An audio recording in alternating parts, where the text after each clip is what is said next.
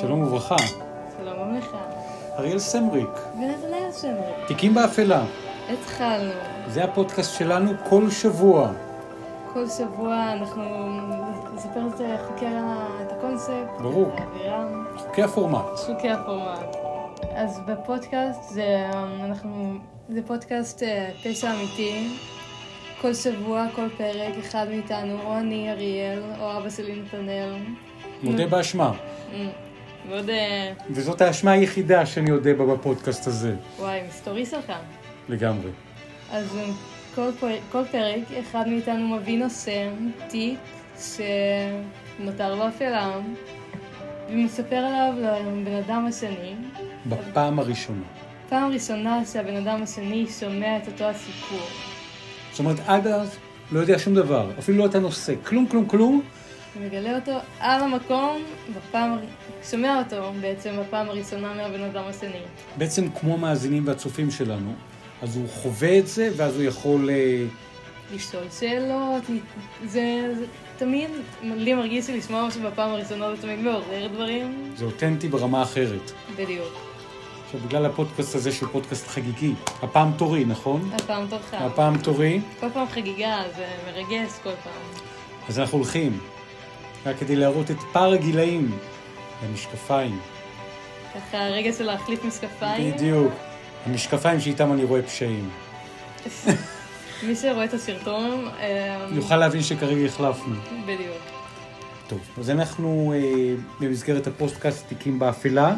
אנחנו הולכים לדבר עכשיו על תיק אחד, אבל לא סתם. על שני תיקים, אבל לא סתם. הפרק היום, לראשונה, שלושה תיקים. שלושה תיקים. שלושה תיקים, כל אחד בדרגת עובי אחרת, עם מעשי פשע שלא יאומנו, קשורים ברמה כזאת או אחרת להתפתחויות שהיו בחדשות. אנחנו הולכים לדבר עליהם. הפודקאסט הזה יציף כמה וכמה מקרי רצח מזעזעים. באמת, שכולם קשורים אחד לשני? תכף נדבר. ככה, את, אני בטוח שאת, בזכות האוזן המוזיקלית שלך, תוכלי ככה לזהות את, ה, את הציר המחבר או הלא מחבר בין האנשים. סבבה. הדמות הראשון, הדמות הראשונה, קוראים לו ג'ון ויין גייסי. שיט, אני מכירה אותו. את ג'ון ויין גייסי? אני... ידעת שהוא מזל דגים? אני לא מאמין, מאיפה את מכירה את ג'ון ויין גייסי? מזל דגים. הוא אייקון. האמת היא שהוא לא רק אייקון, כי הוא גם השני מבין שלושה ילדים.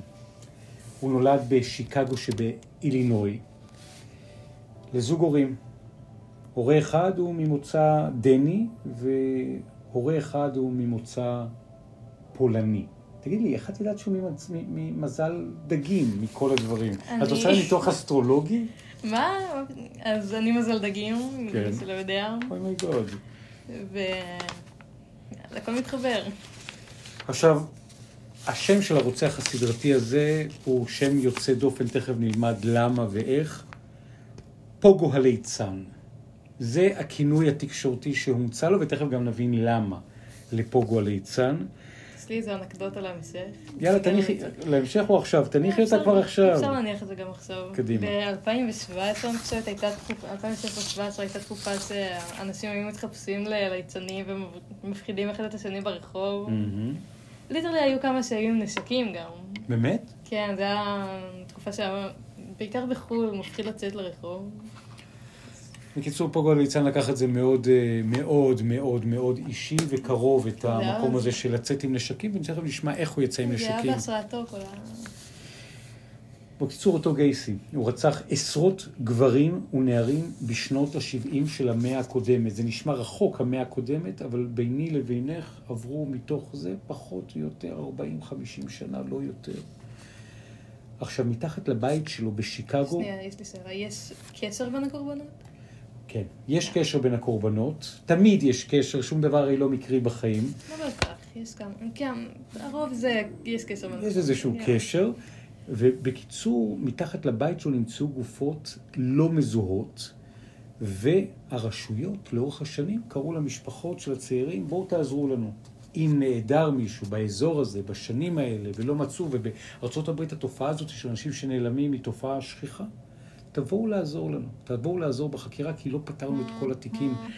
ואז, בסופו של דבר, ממש לאחרונה, זוהה קורבן חדש, נוסף, מפרשיית הרצח הסדרתי של פוגו הליצן, שהייתה לפני 40 או 50 שנה. נמצא בן אדם שנעלם, שימי לב מתי? בשנת 1976. לא ידעו שום דבר, לא ידעו לאן הוא נעלם, לא ידעו מי רצח אותו. פשוט נעלם ולא פתרו את זה היום? ועכשיו פתרו את זה. ממש עכשיו, זה ממש חדש מהשבועות האחרונים. טיפה. טיפה דיליי, אבל זה גם חלק מהעניין הזה שמערכות החוק מצליחות עכשיו להביא כבר עניין של בדיקות DNA וכלים חדשים כן, בחקירה. שמת לב שבזמן האחרון נפטרים המון, המון מקרים? גם רוצח זודיאק היה לאחרונה. נכון מאוד. מי ששמע את הפרקים הקודמים. הוא ידע בדיוק לקשר את הדברים. אז אה, אותו צעיר אמריקני מצפון קרוליינה, הוא נעלם בשנות ה-70 באזור שיקגו, הוא זוהה כעת כאחד מעשרות הקורבנות של הרוצח הסדרתי ג'ון ויין, פוגו הליצן. עכשיו, את, להבדיל אלף אלפי הבדלות, אלף אלפי ומאות מיליוני הבדלות מזל דגים. בוא נתחיל רגע אחד מהמפה האסטרולוגית שאת עשית, אני לא ידעתי איך, קודם כל, ממתי את עושה מפות אסטרולוגיות לרוצחים סדרתיים שאת לא יודעת אם הם יופיעו בפודקאסט או לא? לא, איך זה צץ בחיים שלך? זה לא קמתי בבוקר וכאילו, חיפשתי בגוגל, כאילו, את הרוצחים סדרתיים ואיזה מזל הם. אה, יש חיבור כזה? כן, מעניין. יש כאילו איזה מישהי, ראיתי סרטון שלה שמיינה רוצחים סדרתיים ורשמה איזה מזל כל אחד, ורוב הרוצחים הסדרתיים היו מזל דגים באמת. ואת איזה מזל? דגים? אני כאילו, ככה אקח לי לגימת מים ככה, שקטה. שקטה מטעמי נימוס. באמת, אז מה החיבור, אגב, מה הקשר בין דגים למעשי רצח סדרתיים? על מה זה יושב, אם רבים אה, מהם הם כזה? לא חושבת יש בהכרח חיבור ספציפי, כאילו. למזל דגים לרצח. אני לא יודעת בדיוק לשים אצבע על משהו מסוים במזל דגים, זה. ניתוח מעניין. מעניין שהוא... כן, זה מזל יוצא. מה יש במזל הזה, כמי שפחות מבין במפות אסטרולוגיות, ואת, שזה כבר פודקאסט בפני עצמו, מאוד מבינה באסטרולוגיה, וחוקרת את זה, מה מה המאפיינים של מזל מאוד דגים? זה... זה- די, זה מביך אותי. סתם, סתם. אמ, די, תמשיך, כן, מסמיקה, מי שלא רואה. בדיוק. אמ, תכלס, מזל דגים זה המזל האחרון אוקיי. בכל ה-12 מזלות. אמ, למזל הזה, תכלס מחשיבים אותו ליותר אולי, כאילו... אחותי גם התעניינת במז- במזלות, והיא ניסחה את זה מאוד יפה, שזה... איש זה מצחיק, אבל זה מאוד מאוד ממקד את זה לדעתי, של... זה כמו הסבא של המזלות, שכאילו יש לו ניסיון חיים והוא עבר דברים, וכאילו... מבין פחות או יותר, הוא כאילו... אולי באיזשהו מובן יותר רוחני גם, יותר... כאילו לפעמים אני מוצאת את זה כזה יותר אולי... ב- מתעסק באנרגיות ודברים כאלה. דווקא מזל דגים, דווקא מזל דגים. מעניין. ולפעמים קשה לי, כאילו, אני חושבת שקשה כאילו לנתב את זה למקום טוב בהכרח. אז טוב, אז את גם מנתבת את הסקרנות שלך, כמו ששלי, למעשי פשע קיצוני, מאוד מהצד העיתונאי, תקשורתי, כן, חקירתי, ו... ולהתבונן להנהן. ולהנהן ולחקור ולהביא את הפרטים ואת המפות האסטרולוגיות. אז הם ניתבו את זה למקום אחר, את כל הרגש הזה. לגמרי. ההרשעה שלו הייתה, שימו לב, ב-1980. הוא הורשע ברצח 33 גברים, צעירים ונערים בין השנים 1972 ל-1978. הוא כבר לא איתנו, הוציאו אותו להורג, ב-1994. עכשיו שימו לב, לעיתים קרובות הוא התחזה לשוטר ופיתה את הקורבנות שלו להגיע לבית שלו בפרברי שיקגו בשביל מישהו אמר. לשכב איתו. הם הסכימו כי הוא שוטר? או הם הסכימו כי כנראה היה בו משהו בסקס אפיל שלו, עשרות אנשים. חלק הוא הבטיח להם עבודה בענף הבנייה, כי הוא היה עבד בענף הבנייה. וחוץ מזה, היה לו מין תחביב כזה. הוא היה גם מופיע באירועי צדקה. איש מקסים. בבתי חולים לילדים, מחופש לליצן, בשם-? פוגו. Hmm. כן. אתה מחזיק תמונה שלו עכשיו, אפשר להבין, הוא נראה מאוד סמכותי כזה, נראה מאוד קשוח, אני לא יודעת, אז אפשר רגע להבין, אני מצליחה לדמיין אותו עם מדי שוטר, כאילו. בדיוק, זה, זה, זה הדמות. זה הרוצח, וזה הדמות שהוא בא נראה איש קשה. כן, נראה איש קשה. ובכל מקרה, הוא היה קובר את הקורבנות שלו אחרי שהוא היה מעלים אותם אה, מתחת לבית שלו, בפרבר בשיקגו. כאילו ברצפה הזאת של... נכון, לפעמים בכניסה לבית יש די כזה, אז... כן, אז הוא היה קובר אותם מתחת לבית. ובשנת 2011, ממש לפני עשור שנים שאנחנו מקליטים את הפודקאסט הזה, שיהיו חיי נצח, אתם תשמעו את זה הרי גם בעשור הבא. לנכדים, ולילדים. ולנכדים. אז לשכת השריף של מחוז קוק באילינוי, היא הודיעה שיש עדיין קורבנות שאותרו, יודעים שהוא רצח, אבל לא יודעים מי, לא זיהו את הקורבן, ואז... איך לא זיהו מה בגלל, עשה ש... עם הגופה? בגלל, א', כי עברו הרבה מאוד שנים, וב', כי לא הוגשו תלונות והם לא היו ברשימת הנעדרים שהיו חיפשו. ואז יצאה קריאה רשמית לפני עשור שנים של המשטרה באילינוי, בארצות הברית, למשפחות של צעירים שנעלמו באזור שיקגו, בין 70 ל-78, אלה השנים של המעשי רצח, שהוא גם בל נעצר, וגם השנים שבהם אה, אה, הגופות אה, נמצאו. ובאמת, אחרי כמה חודשים כבר זוהה בחור בשם וויליאם ג'ורג' בנדי, שגם הוא היה חלק מאותה שמיניה, אותם קורבנות לא מזוהים. בנדי... בנדי בהקשר אחר, אה. לא מהמשפחה ההיא, לא. משפחת בנדי. אוקיי. אה, את רוצה לספר לצופים ולגולשים ולמאזינים מי זאת משפחת בנדי? יש את טד בנדי. שהוא? שהוא רוצח סדרתי אחר. אה, לא זוכרת בדיוק איזה תקופה, אני חושבת גם אזור את התקופה. אז הוא בהקשר הזה זה בנדי אחר, בנדי הקורבן, אולי יש קשר משפחתי, הרי אנחנו לא יכולים לדעת בוודאות, רק אם נעשה בדיקות DNA.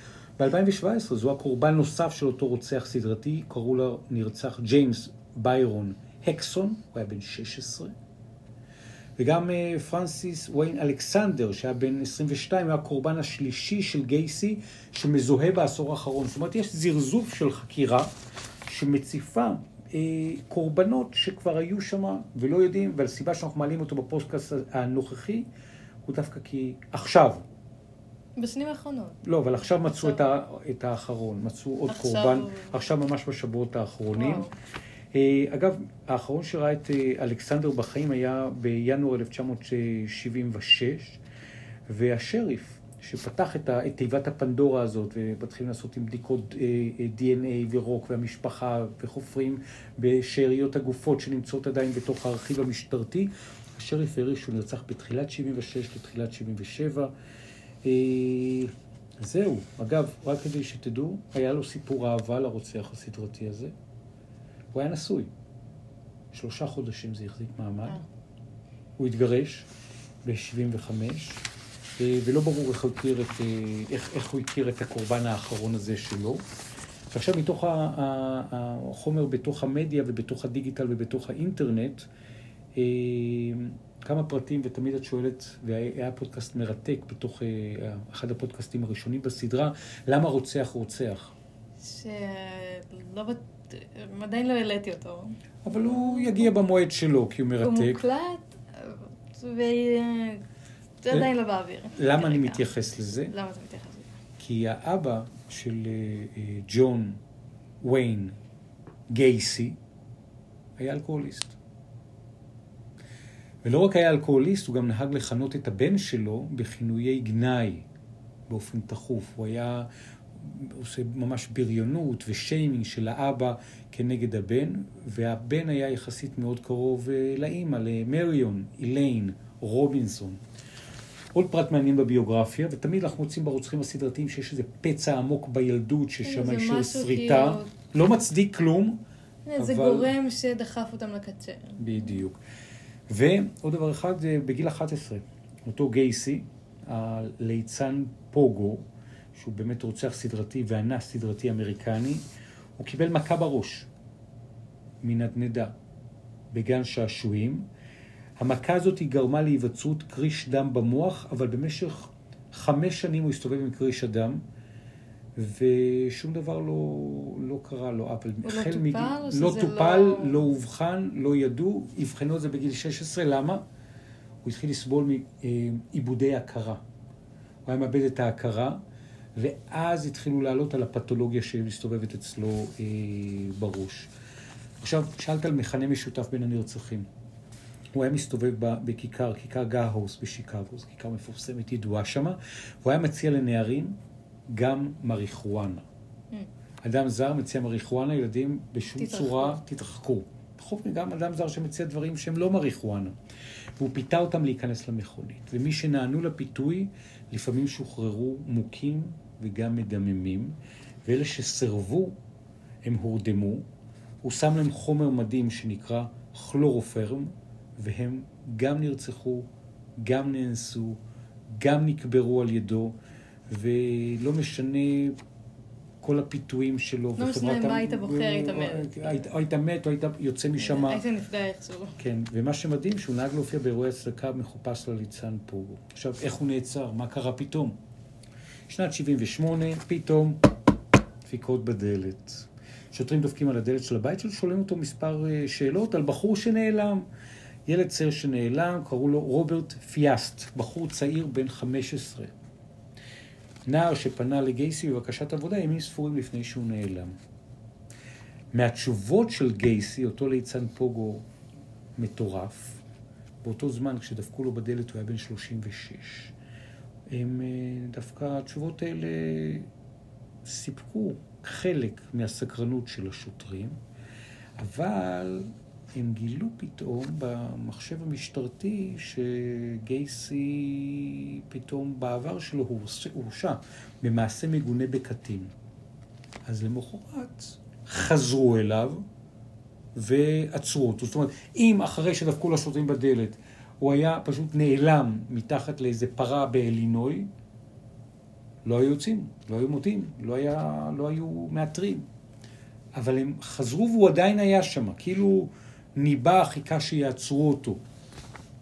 כנראה יש מצב, הוא פשוט לא חשב על זה שיעצרו אותו. עכשיו הם באו פעם אחת, הם לא יחזרו. בדיוק, אבל מבלי שהתבקש בפעם השנייה שהם הגיעו, הוא הראה גייסי לשוטרים דלת ברצפה שמובילה לחלל עם דפנות כפולות מתחת לבית. הוא הראה להם את זה? כן, הוא הראה להם את זה. אפילו בלי שהוא יתבקש, הם לא ידעו שהוא הרוצח, הם לא פשוט באו לבדוק מקרה של היעדרות של נער, ואז אמרו, רגע, רגע, רגע, יש איזה רקע של פדופיל בעבר, אולי קרה שם משהו, נחזור, נבדוק, נתשל, הוא הראה להם, ואז נכנסו, פותחים את הדלת, חלל גדול, ואל מול העיניים הנדהמות של שני השוטרים, הם מגלים גופות רבות של נערים שגם נאנסו. עזוב את זה שהוא הראה להם את המקום, הוא לא חשב להעלים את הגופות.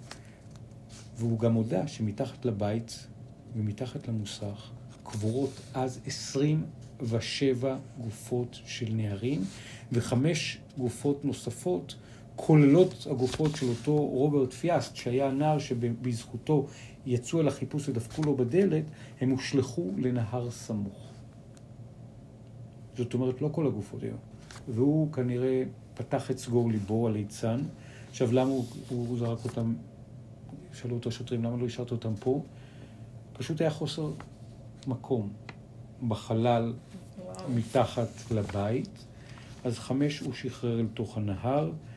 בפועל מצאו מתחת לבית לא 27 גופות, אלא 28, ככה זה מתוך הפרוטוקול של החקירה המשטרתית, כי גופה אחת נשמטה לו מהזיכרון. הוא כבר לא זכר.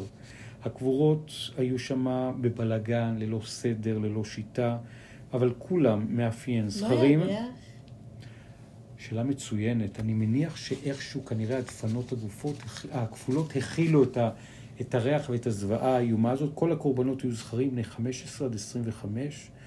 עכשיו, הזיהוי של כל הגופות, אנחנו מדברים על עידן שלפני כמה עשרות שנים, פחות בדיקות DNA, מחשבים משטרתיים, לא כל המשפחות התלוננו.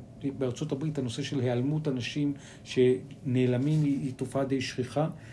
לקח שנים עכשיו אנחנו יודעים עשרות שנים שלקח לעשות את זה, ואז בחודש מרץ 1980 הוא מורשע גייסי ב-33 אישומי רצח, הוא נדון באופן, אפשר לומר, מיידי אה, למוות, אבל 14 שנים הוא נאבק לביטול פסק הדין, אך לשווא, עד שבמאי 1994 גייסי מוצא להורג בזריקה של רעל.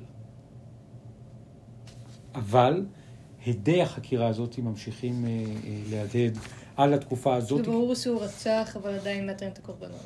עדיין מאתרים את הקורבנות, עדיין ממשיכים לזהות, עדיין המשפחות, ש-40-50 שנה, תאמינו לכם, יש לכם ילד בבית, פתאום הוא יוצא, הוא לא חוזר בגיל 12, 13, 15, 18, ילד לא חוזר 50 שנים, אתה מסתובב עם סימן השאלה, איפה הבן? מה קרה?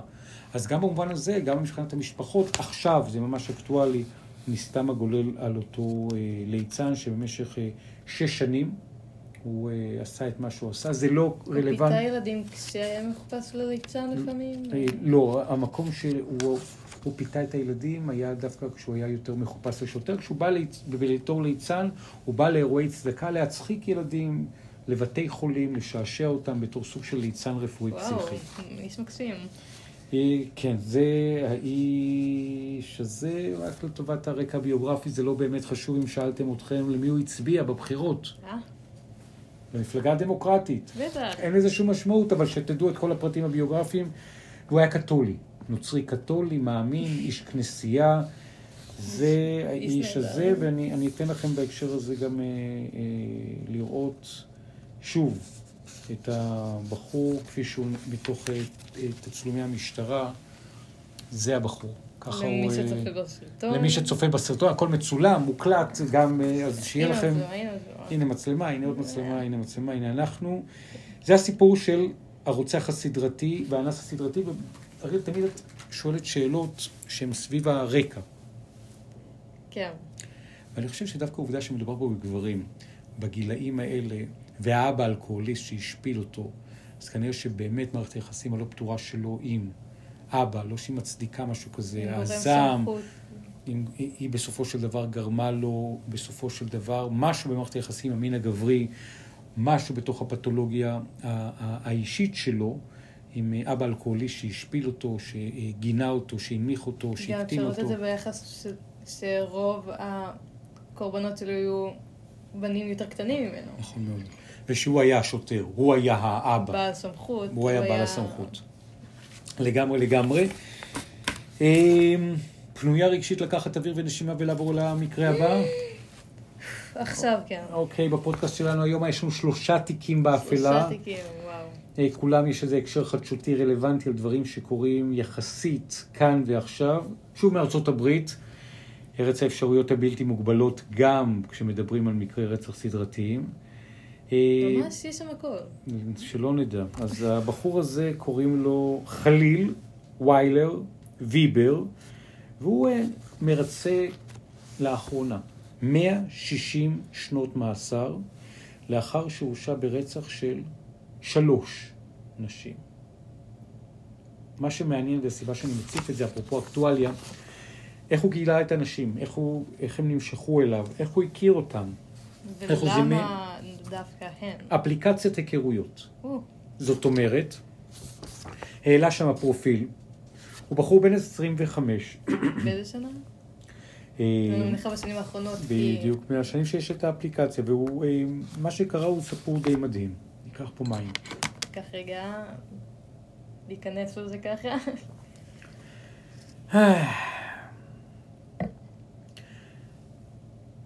אחד, אפליקציית היכרויות.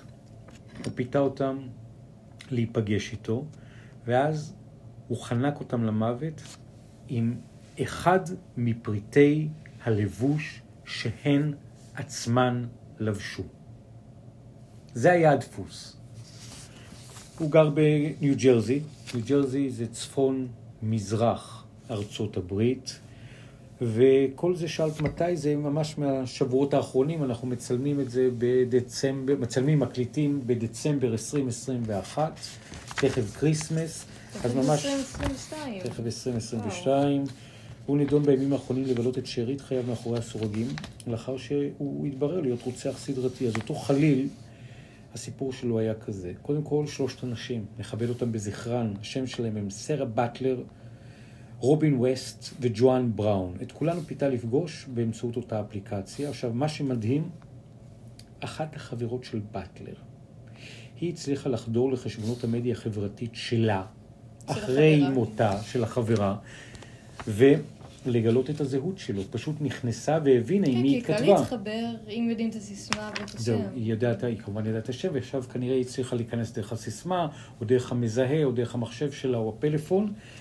ואז אחת הנשים הבינה שהיא נפגשה איתו, היא קבעה איתו דייט, והזעיקה את המשטרה,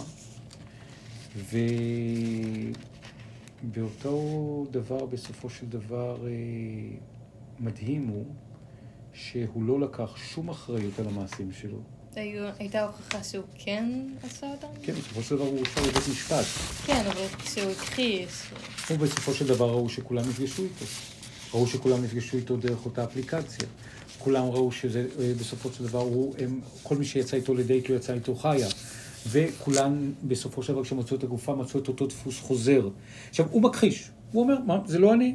אני לא הרגתי אותם, והוא ממשיך לכפור באשמה, אבל רשויות האכיפה אספו מספיק ראיות כדי להרשיע אותו, כולל שורת איכונים של הסלולר שלו, שמוכיחים שהוא היה באזורים בהם שלושת הקורבנות נעלמו. מה זאת אומרת?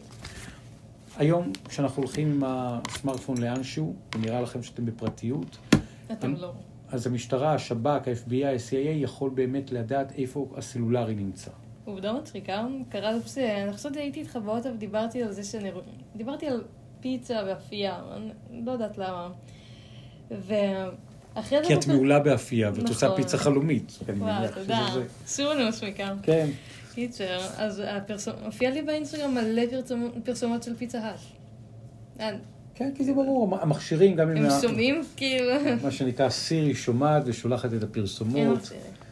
אבל יש כל מיני, מה שנקרא, המכשיר שומע ויודע לשייך פרסומות, ובקיצור, ה-FBI, ה-CIA, רשויות החוק בכל מדינה יכולות לאכן את הסלולר, לאכן זאת אומרת לזהות את תא השטח שבתוכו הסלולר נמצא בזמן מסוים. גוגל מפס, כאילו, בשנייה אתה נכנס לאפליקציה, הם מזהים בדיוק את המיקום שלך. ובסופו של דבר, גם המשטרה יכולה לעשות את זה, גם לזהות אחורה. זיהו אחורה איפה המכשירים הסלולריים של הבנות, וראו שבאותו תא שטח שבו הם נעלמו, שני מכשירים הסלולריים היו, לא משנה כמה הוא יכחיש, זה ראייה נסיבתית חזקה.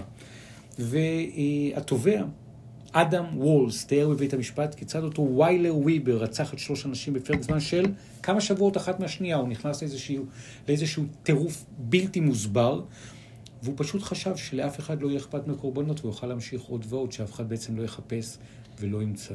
זה מה שקרה. יש סיבה למה? יש למה דווקא הן, למה דווקא לרצוח? אז הסיבה שידועה בהקשר הזה היא לא שזה נתן לו אי שפיות זמנית, אבל יש ז'אנר שלם של אנשים שהם אה, פסיכופטים. הוא אובחן לא, כפסיכולוג. לא, לא אובחן כפסיכופת, אין לנו את העדות מה היה ברקע הפסיכולוגי אה, שלו. בדרך כלל יש אה, לפני משפט אבחון פסיכולוגי, לראות אם הם כשירים לעלות למשפט. את צודקת במאה אחוז. הוא כשיר לעלות למשפט, הוא היה פוקר פייס, הוא לא, אה, במובן הזה הוא לא אמר שום פרט שקושר את עצמו, הוא ממשיך להכחיש. אגב, רובין ווסט, בת ה-19 מפילדלפיה שפגשה אותו, היא הייתה הקורבן הראשון שלו.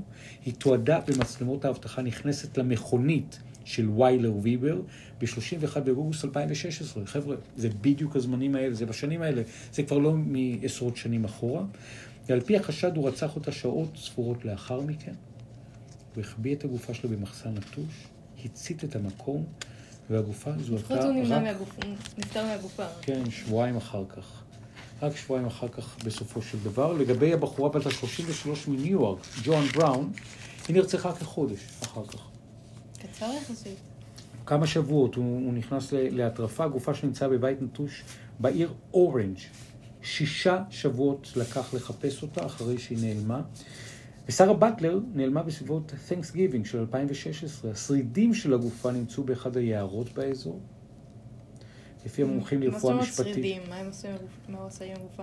הנה, אז מסבירים שלפי המומחים לרפואה משפטית, כל האנשים נהרגו אחרי שחנקו אותם למוות, ככל הנראה עם אחד מפריטי הלבוש שלהם. הוא קבר את הגופה שם והשליך אותה באזור היער, והוא הורשע בשלושה סעיפים של רצח. סעיף אחד של ניסיון רצח, חטיפה, הצתה, השחתת גופה. אימא שלו, אימא שלו, הדודה שלו והאח שלו, כל המשפחה הזאת הגיעה לדיון, הם לא אמרו אף מילה להגנתו. יכלו להגיד, תשמע, אדוני השופט, תסלח לו וזה. לא אמרו אף מילה להגנתו, אבל, הוא ממש נגדו. אבל לא, לא, לא ביקשו את רשות הדיבור. ובינתיים האבא של שרה באטלר, ויקטור, פנה אל השופט ודרש ממנו לתת לו את העונש החמור ביותר, עונש מוות. לבסוף, הוא הפנה את תשומת ליבו אל הרוצח הסדרתי ואמר, האבא של הנרצחת לרוצח בבית המשפט במרחק ממש של ספסל או שניים, אני מקווה שתסבול כל לילה במשך שארית חייך. וואו. אה, תיקים באפלה, שאלות, דברים שאת רוצה לדעת לגבי התיק הזה. ועכשיו הוא בכלא? הוא יהיה בכלא, ולדעתי גם אם נקליט אה, עוד 160 שנים של פודקאסטים, בתקווה שהוא לא ישתחרר מוקדם מדי, הוא ימשיך להיות שם, הוא עושה ויושב שם 160 שנה. ובן כמה הוא עכשיו? בן 25. זה הבחור. אני מראה אותו למצלמה, נתאר את זה לטובת המאזינים שלנו. נראה... אה, כן, זה, זה לי תמונה. שאתה עובר עליו ברחוב וכאילו... לגמרי. בן 25, הוא נראה חליל ויילר וויבר, בחור שלא לא, לא הייתם, לא הייתם מייחסים לו אה, אה, מעשי רצח, לא אחד, לא שניים, לא שלושה. זה האיש. זה האיש. למה הוא עשה את הוא זה? אף פעם לא אמר כאילו, הוא אף פעם לא literally הודעה של היי, אני רצחתי את אותן בנות? הוא לא. אמר את זה? לא, לא, לא. הוא לא. זה לא כמו אותו אה, פרנסיס וויין אלכסנדר, שפה אגב יש לנו תמונות שלו מגילאים שונים. זה, ה, נכון. זה הבחור. אני שם לכם תמונות שלו מגילאים שונים, שאתה רואה, אתה אפשר לראות אותו בתור ליצן, ואפשר לראות אותו בתור אה, נער צעיר, ואתם רואים בחור ש... עם חיוך ועם... אני כמעט מגזים ואומר כריזמה. זה, זה הבחור הזה. זה הבחור הזה, ו... ובתוך המקרה הזה, תיקים באפלה, תיק מספר שלוש.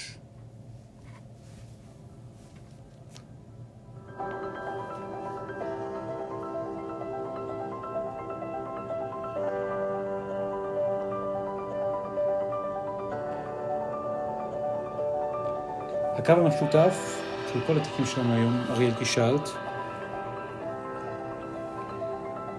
הוא אקטואליה. הם כולם מעשים שחלקם קרו יותר מזמן, אבל כולם בשבועות האלה שאנחנו מקליטים, כולם סופר רלוונטיים למה שקורה כאן ועכשיו. עכשיו אנחנו לסיפור מדהים, כי הבחור הזה הולך להירקב בכלא, אבל יש רוצח אחר בפרשת רצח שקרתה בישראל, רצח של לוכד נחשים. כאילו רצחו את הלוכד נכסים? כן. אוקיי. הבחור שרצח אותו, שתכף נדבר עליו, הוא שותף להקמה של חברת סטארט-אפ.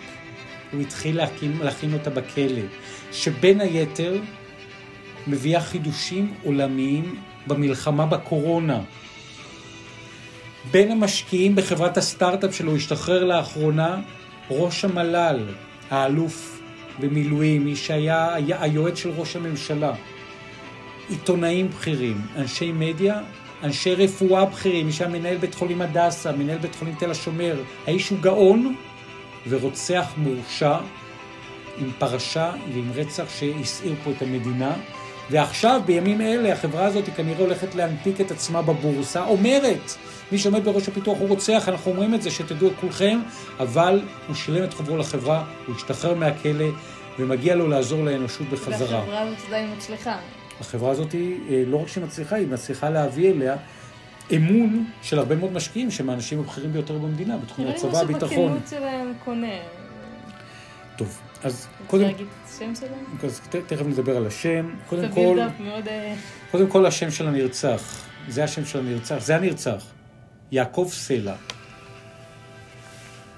זה בחור שמחזיק הרבה מאוד נחשים פה מול התמונה. שוב, מצולם. מצולם, סיפור אמיתי. הוא נולד, הנרצח, ב-1960 בחיפה בישראל, כאשר אה, הוא נולד עם שם בשם יעקב פסח. היה לו תחביב, שהתחיל אגב בגיל תשע. הוא ראה ילדה מסתובבת עם נחש צפה? ברחוב. כן. הוא התחיל, והוא הדליק אותו הרעיון הזה של לגדל נחשים, נחשים ארסיים. הוא למד בבית ספר הניסיוני הפתוח בחיפה, והמורה לטבע תמך בתחביב שלו, והסכימו לו שיחזיק כמה נחשים וזוחלים בכלובי זכוכית. ואחר כך הוא עבר ללמוד בפנימייה של הדסים. אז הוא פנה למנהל המכון הביולוגי, שיאפשר לו להעביר את האוסף שלו שהלך וגדל עם נחשים מסוגים שונים. אה, ואז הוא שם, אם אפשר להעביר לו את האוסף שלו אה, למכון. בגיל 14 הוא הוקש בעצמו על ידי נחש צפה, ומאז נהג להזריק לעצמו מדי פעם קצת ארס של נחש Mm. צפה, קצת, בקטנה, כדי לפתח לו נוגדנים. בצבא, זה לא השפיע עליו לרעה? כשאם מזריקים קצת, לא לנסות את זה בבית, זה כמו סוג של חיסון. אתה כאילו מחסן את עצמך. וואו. כשאתה ממש אוהב ונמשך לנחשים. ואז, בסופו של דבר, בצבא, הוא שירת בצבא, הוא המשיך בגידול ולעשות הכלאות של נחשים, לזווג נחש כזה ונחש כזה, והוא הדריך חובבי נחשים, הוא היה מאסטר בנחשים, ו... כי מגיל 11 הוא מתעסק בזה. רק הגיוני. בזה, רק בזה. הוא הפך להיות מומחה בינלאומי בגידול של נחשים שונים. הוא גם יצר נחשים שלא קיימים בטבע, והוא החזיק את הנחשים שלו באופן טבעי גם בדירה שלו. אה, אגב, רשות שמורות הטבע ראתה את הדבר הזה והחרימה לו את הנחשים מהדירה, אמרה זה מסוכן, אבל בית המשפט, הוא תבע את בית המשפט, ובית המשפט שיחזירו לו את הנחשים, זה חיות המחמד שלו. ומה בית המשפט קבע? מה הוא קרה? שהוא יקבל את החזרה, את חיות המחמד ואת הנחשים הביתה. ועכשיו גם סלע, כיוון שהוא אוהב נחשים, מדי פעם השכנים, אתם יודעים, לא נעים לגור בשכנות למישהו שמעבר לזה יש לו כל מיני מפחיד. כאלה עשרות, אז הוא גם נהג להתגרות בשכנים שלו באמצעות נחשים, והגישו נגדו תלונות, בקיצור, על האיסטור. אבל, בשנת 1996, לפני רבע מאה, הוא נעלם מהבית. הוא נחשב נעדר, אפרופו היעדרויות, למשך שבועיים, עד שפתאום מטיילים מצאו יד מבצבצת מתוך האדמה ברמת הגולן. ואז בחקירה התגלה שסלע נורה למוות בידי, ופה התשובה לשאלה ששאלת, תגידו, מי הרוצח? מי הגאון? מי אני הסטארט-אפיסט? מבינה למה, כי מלחיץ, אבל... הראל הרשטיק. הראל הרשטיק. הוא לקח את האקדח של רינה הרשטיק, אימא של הראל, שהיא, היה לה גם תחביב אחד מיוחד. מה היה התחביב של אריאל? לראות בדברים... לגדל נחשים. היא גם הייתה מגדלת נחשים, ולסלע היה איתה רומן, עם אימא של ההוא. עם אימא של הראל. והרשטיק, שגם הוא, הוא היה תלמיד, בת כמה אימא שלו? היא מבוגרת יותר. אוקיי. היא הייתה מבוגרת מה זה יותר. עושה לו טוב? אה, אבל מה שמסתבר שהרשטיק, שהיה מהתלמידים והמעריצים של סלע, הוא לקח מסלע איזה 49 אלף שקלים בהמחאות. הוא גנב לו את הכסף. ומרגע שסלע גילה את הגניבה, הרשטיק הבטיח להחזיר לו את הכסף בתוספת 100% ריבית. רק שישתוק, שלא יגיש תלונה במשטרה. ואז הרשטיק לקח חבר, חולה נפש, מעורער בנפשו, מאובחן, שהלך אחריו, לימד אותו להשתמש באקדח. השניים שכנעו את סלע ללכת על- לרמת, אה, לנסוע איתם לחיפה, כי שם הוא הולך לצאת ולהחזיר לו את הכסף מחשבון בנק של אחת מהחברות בבעלותו. ואז הם עצרו, כשהרשטיק טען שעליו לרדת מהאוטו להקיא, ואותו חבר, פגוע או מאותגר נפש, ירה בסלע שלושה כדורים, והרשטיק ירה בו את הכדור הרביעי בראש. יחד שני הרוצחים לקחו את אה, סלע אל רמת הגולן וקברו אותו, היד ישירה שם ובצבצה כדי שהמטיילים כנראה יאתרו אותה. הם במטרה שיעתרו אותה או ש... באופן לא מודע. אני אוקיי. מניח שבאופן לא מודע. המניע לרצח נחשב החוף של הרשטיק לסלע, ואולי היה גם הקשרים הרומנטיים של סלע עם רינה בלי הרשטיק. קשר לנכסים, חשבתי שזה כאילו... הנחשים היה מה שחיבר את רינה לסלע, אה. התחביב. והרשטיק, שגם הוא למד מאימא את אהבת הנחשים, הפך לנחש בעצמו ועקץ וירה במאהב שלה. זה הסיפור שהיה. אבל הסיפור הכי מדהים הוא ש...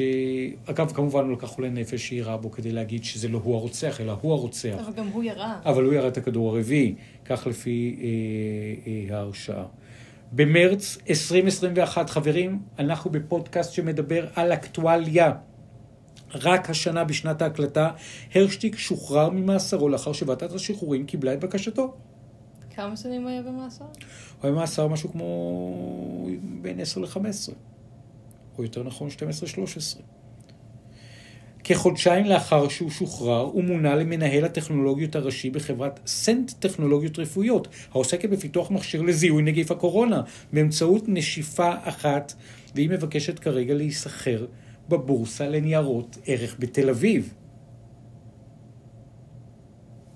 וואו. זאת אומרת, הרוצח שירה פיתח במהלך שהותו בכלא סטארט-אפ. והסטארט-אפ הזה נהנה מאמון שהוא אמון קיצוני של שורה של יזמים, משקיעים, מהרמה הגבוהה ביותר.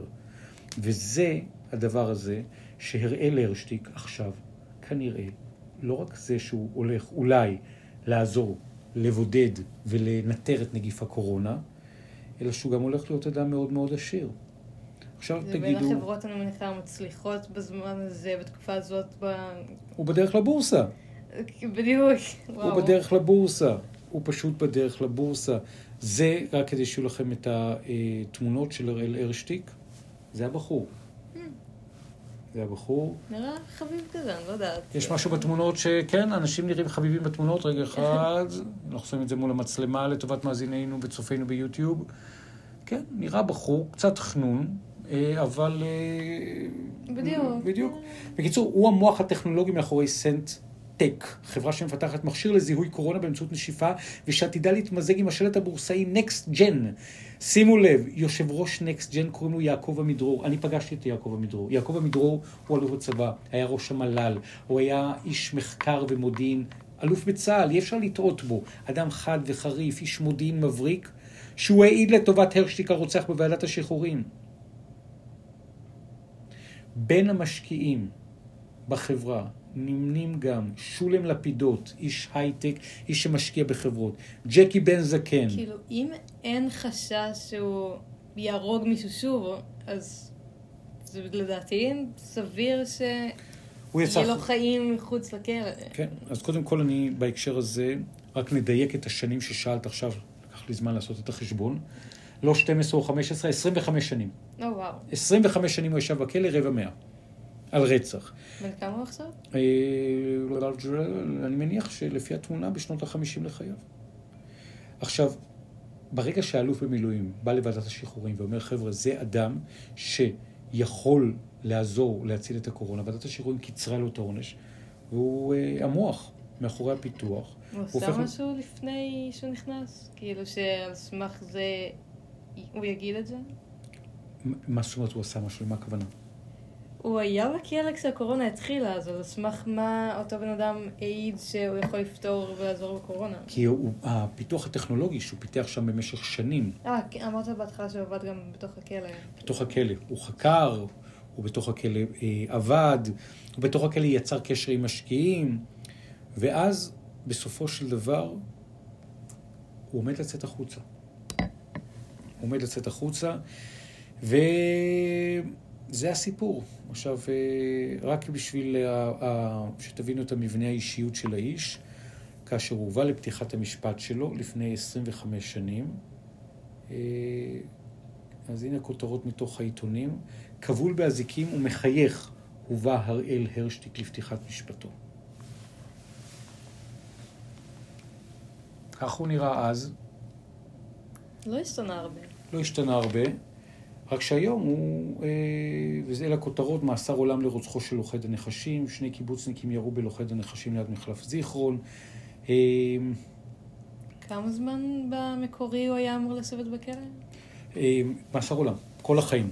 קצת מה הוא עשה בכלא, אותו רוצח, תיאורי דוקטור בכימיה ובמתמטיקה בכלא.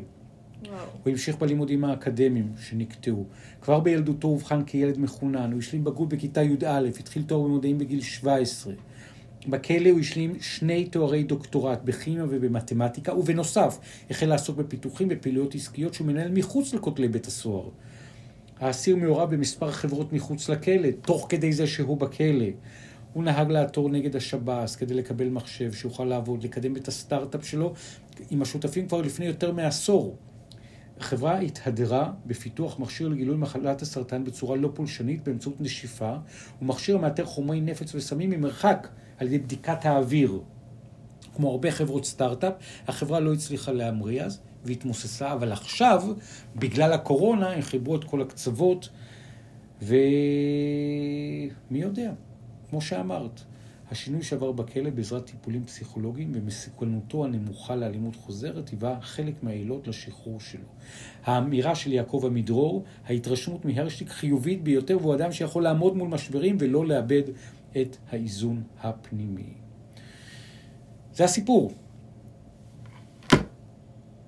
פרשה מספר 3, הפודקאסט תיקים באפלה, שאלות שלך, אריאל. אה, נראה לי שאלתי הכל, כל מה שהיה לי תוך כדי, וואו. אז מה החיבור? אני חושב שהחיבור הוא אקטואליה פעם. אקטואליה עכשווית. אקטואליה עכשווית. הכל הפודקאסט שלנו אקטואליה. כן, כולם, כל הפרשיות הם דברים שקורים כאן ועכשיו. בפרק הזה. בפרק הזה. אנחנו לא חייבים, לפעמים אנחנו הולכים פה לפרה-היסטוריה, אנחנו חופרים חפירות היסטוריות, אנחנו אומרים מעשי רצח מהעתיד שלא נדע. אנחנו מנבאים, אנחנו... אז מה יש לנו?